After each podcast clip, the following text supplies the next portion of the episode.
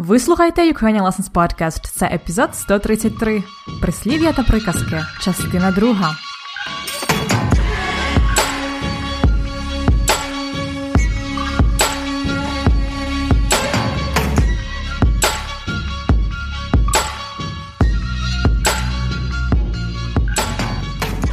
Привіт! Це Анна, ваша вчителька української, і ви слухаєте подкаст Уроки української. Це четвертий сезон для тих, хто вже досить добре знає українську мову.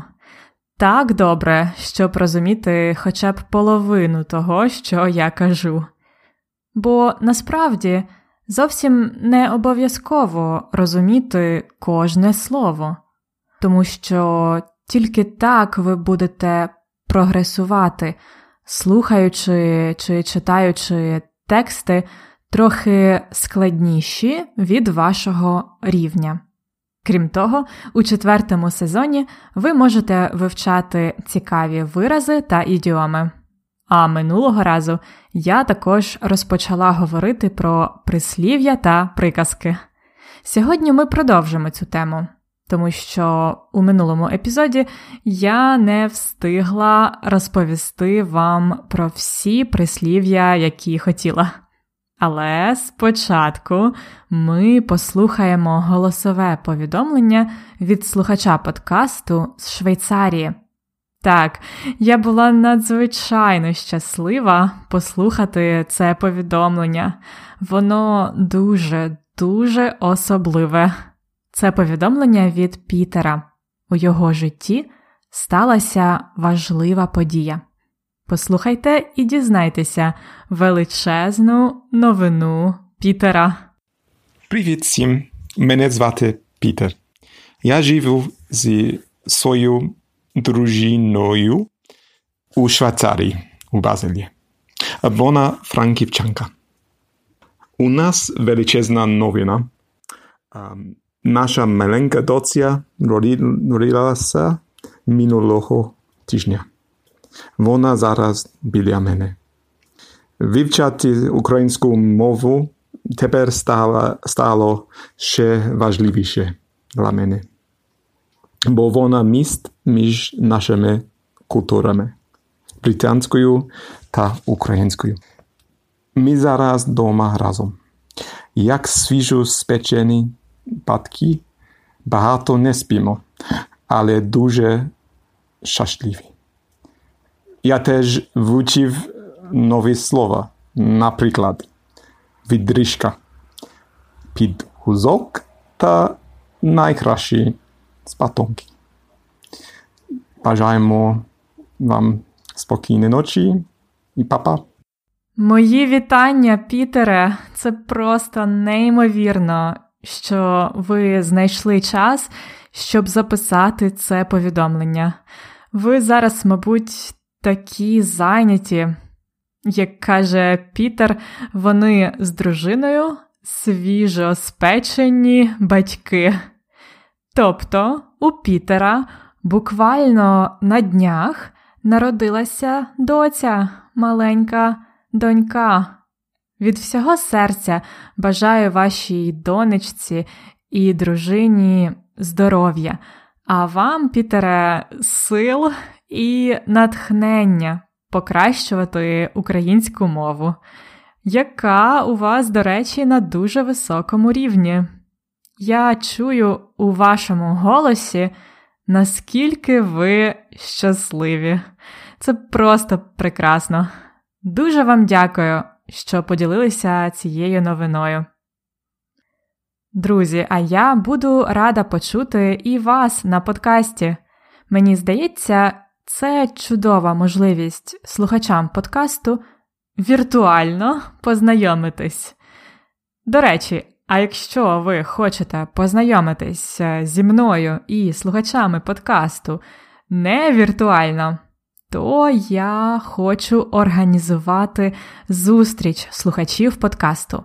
Я ще не знаю точно деталей, але зустріч буде приблизно на початку січня 2020 року. Я обов'язково розповім вам більше, коли буду знати точно. А зараз пропоную розпочинати цей урок про прислів'я та приказки. Готові?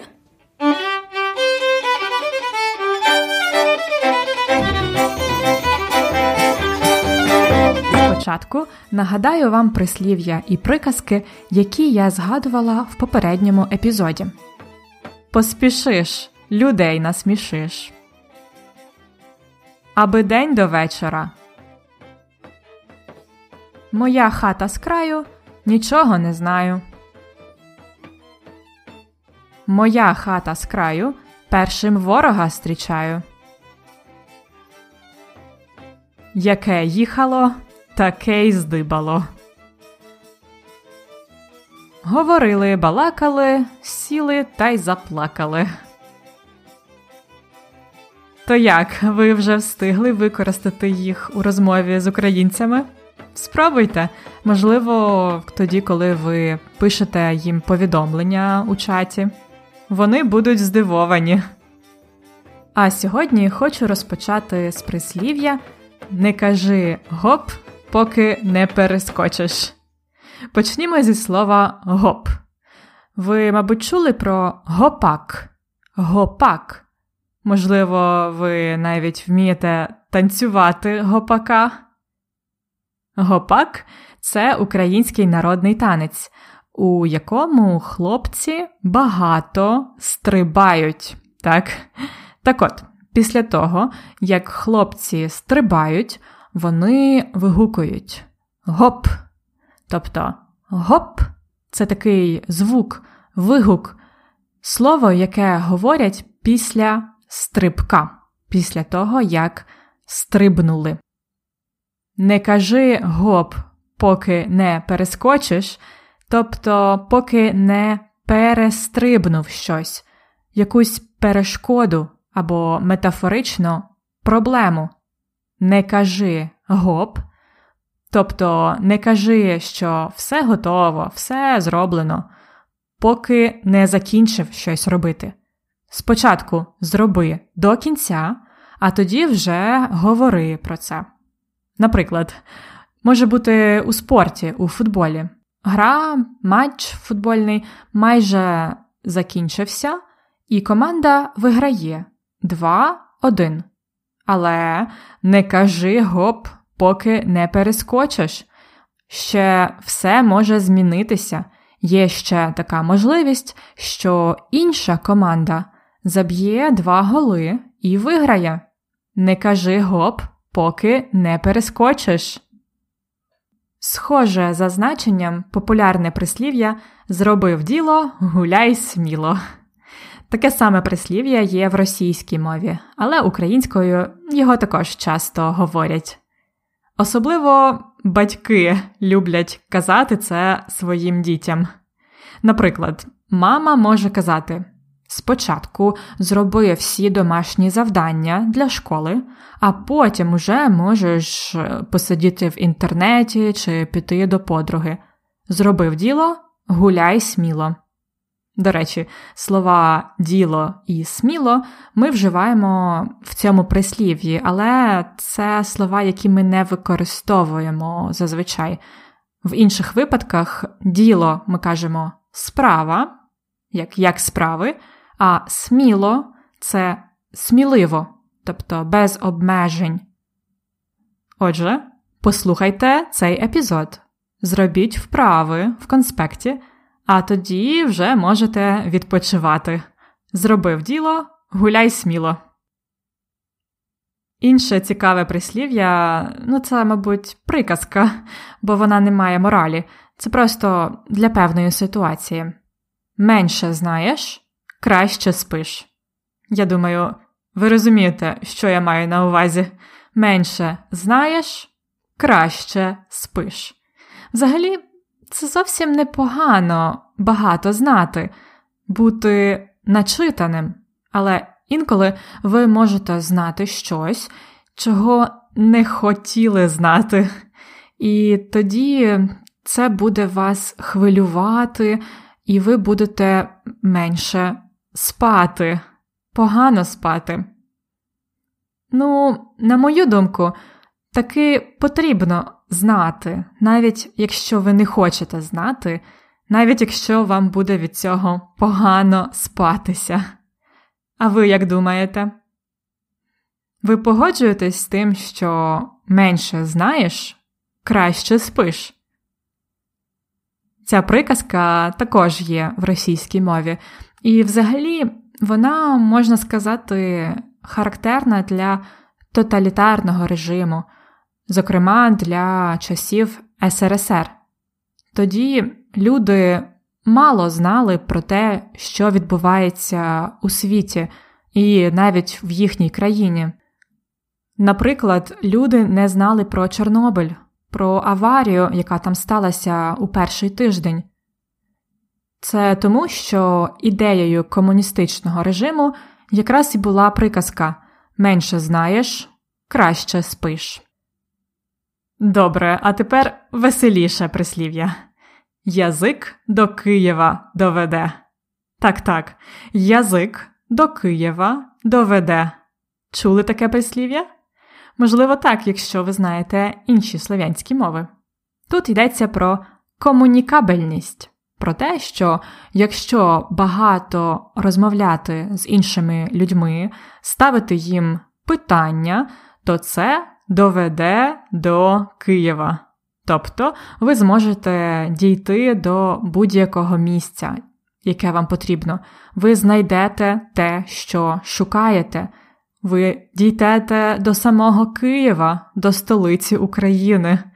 Язик до Києва доведе. Язик, очевидно, символізує тут мову, розмову.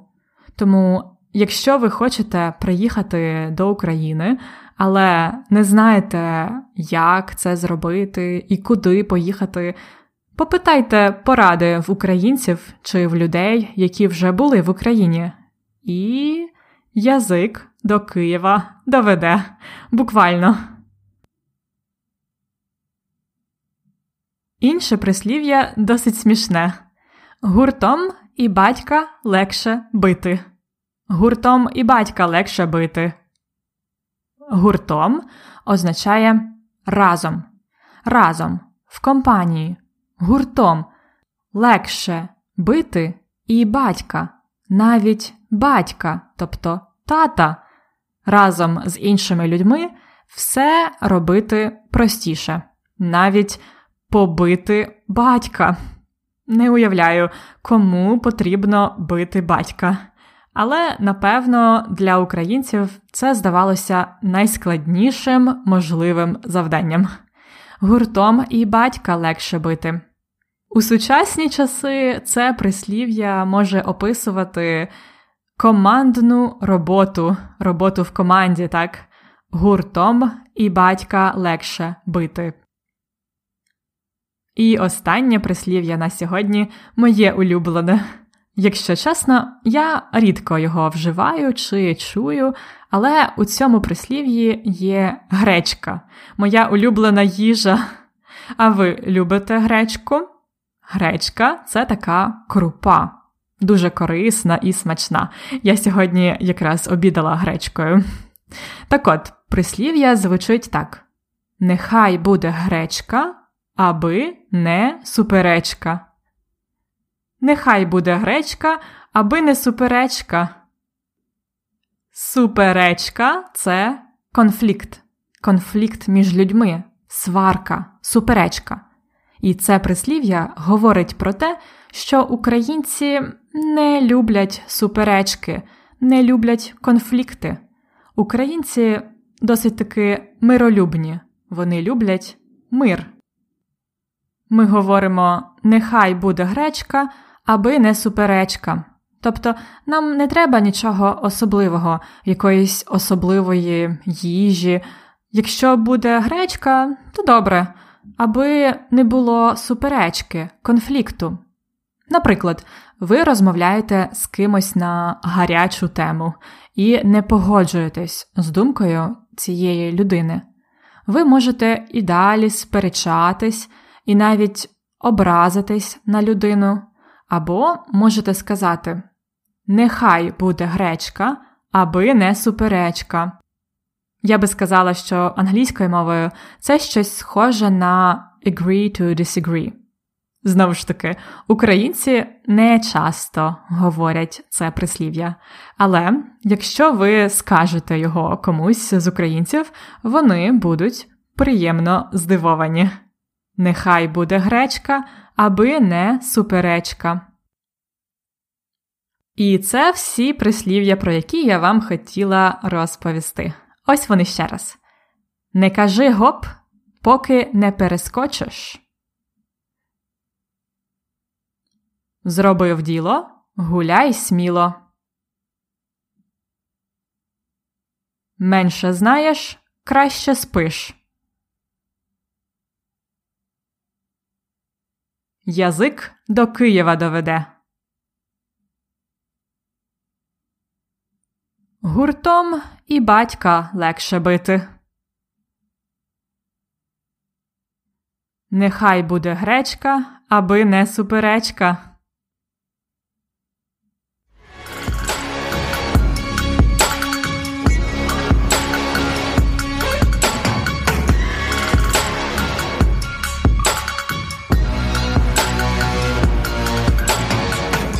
Сподіваюсь, сьогодні ви відкрили для себе нові прислів'я чи приказки українською. А ось іще декілька ідіом і корисних виразів для вас. Я дуже вдячна Пітерові за те, що він знайшов час записати це голосове повідомлення для нас. Це просто неймовірно, що він знайшов час. Ми часто кажемо знайти час для чогось коли хтось дуже зайнятий, має важливу роботу, але все-таки знаходить час для чогось менш важливого. Ви можете також подякувати людині, яка знаходить час, щоб допомагати вам. Наприклад, дякую, що знайшов час і допоміг мені. Або дякую, що знайшла час, щоб допомогти мені. Знайти час. Також Пітер у своєму повідомленні сказав, що вони з дружиною свіжо спечені батьки. Мені дуже сподобалось, як вдало ви використали це слово Пітере. Взагалі, свіжо спечений ми говоримо про хліб, тобто хліб, який спекли щойно, недавно. Цей хліб свіжий він свіжо спечений. Але метафорично свіжо спечений можна вживати для того, хто починає щось нове, починає якийсь новий досвід. Наприклад, Пітер свіжо спечений батько, його дружина свіжо спечена мама. А ще можна говорити про, наприклад, студентів. Свіжо спечені студенти розпочали навчальний рік. Це метафорично, добре? Отже, тепер ми знаємо, що у Пітера буквально на днях народилась донечка. Це дуже типова фраза на днях або буквально на днях. Тобто за минулі кілька днів, нещодавно, кілька днів тому. Наприклад, буквально на днях я подивилася на Ютубі відео, у якому було прислів'я Нехай буде гречка, аби не суперечка. Тому я вам і розповіла про нього. Буквально на днях. Далі, коли я пояснювала приказку менше знаєш, краще спиш, я казала, що взагалі це непогано багато знати, бути начитаним, але інколи ви можете знати щось, чого не хотіли знати. Тут я сказала бути начитаним. Начитаний це людина, яка багато читає і тому багато знає, людина, яка має високий рівень інтелекту, начитана людина. Наприклад, моя найкраща подруга Іванка ви чули Іванку на подкасті. Це була Христина в третьому сезоні. Так от, Іванка дуже начитана. Вона читає кожного дня. Я не настільки начитана, як вона. А ви начитані? І ще один корисний вираз це слова, які ми часто вживаємо разом. Ми кажемо ставити або поставити питання. Тобто просто запитати. Язик до Києва доведе означає, що якщо багато розмовляти з іншими людьми і ставити їм питання, то це доведе до Києва. Тобто ви знайдете те, що шукаєте. До речі, якщо у вас є питання, пишіть мені, ставте питання, щоб дізнатися більше про українську мову.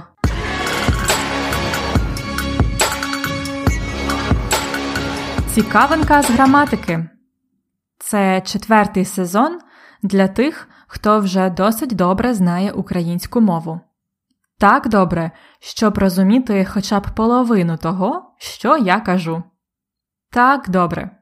Слово так має дуже багато значень. Я думаю, ви помітили. Я хочу написати статтю про це для блогу Ukrainian Lessons, але ніяк не знайду час. У цій ситуації так добре, щоб розуміти хоча б половину того, що я кажу, слово так це як so англійською. Так добре. Четвертий сезон для тих, хто вже так добре знає українську мову, щоб розуміти хоча б половину того, що я кажу. Ми вживаємо тут так, тому що далі йде прислівник, тобто слово, яке відповідає на питання як. Добре це прислівник. Так, добре. So well, so good. Так, добре.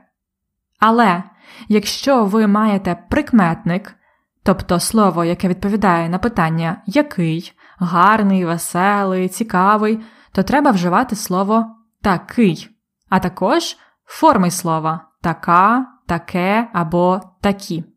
Наприклад, коли я говорила до Пітера, я сказала дякую, що знайшли час записати це повідомлення. Ви зараз, мабуть, такі зайняті. Такі зайняті. Я вживаю такі, тому що говорю до Пітера у формі ви.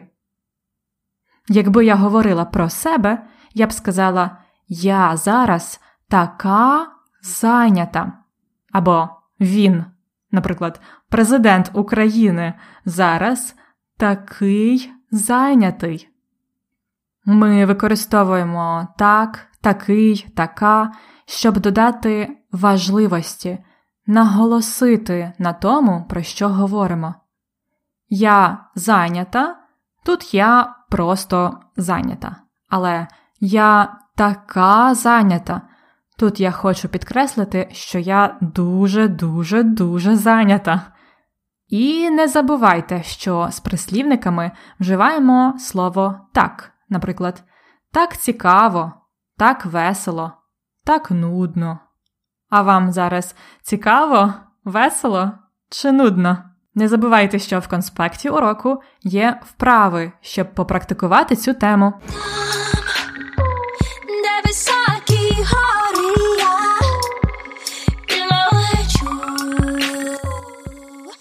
І на цьому все на сьогодні. Я така рада, що четвертий сезон слухають багато іноземців. Хоча цей сезон вже високого рівня. Це означає, що багато людей справді добре знають українську мову. Це так чудово. А я нагадую вам, що чекаю від вас голосові повідомлення про те, як у вас справи, як ви вивчаєте українську мову, які у вас новини. І якщо ви ще цього не зробили, приєднуйтесь до преміум підписки, яка містить конспекти уроків з повним текстом епізоду, таблицями і вправами.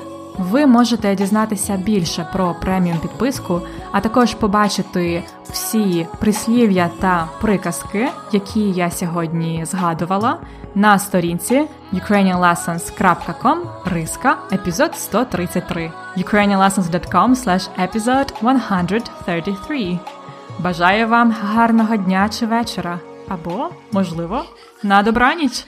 На все добре, Па-па!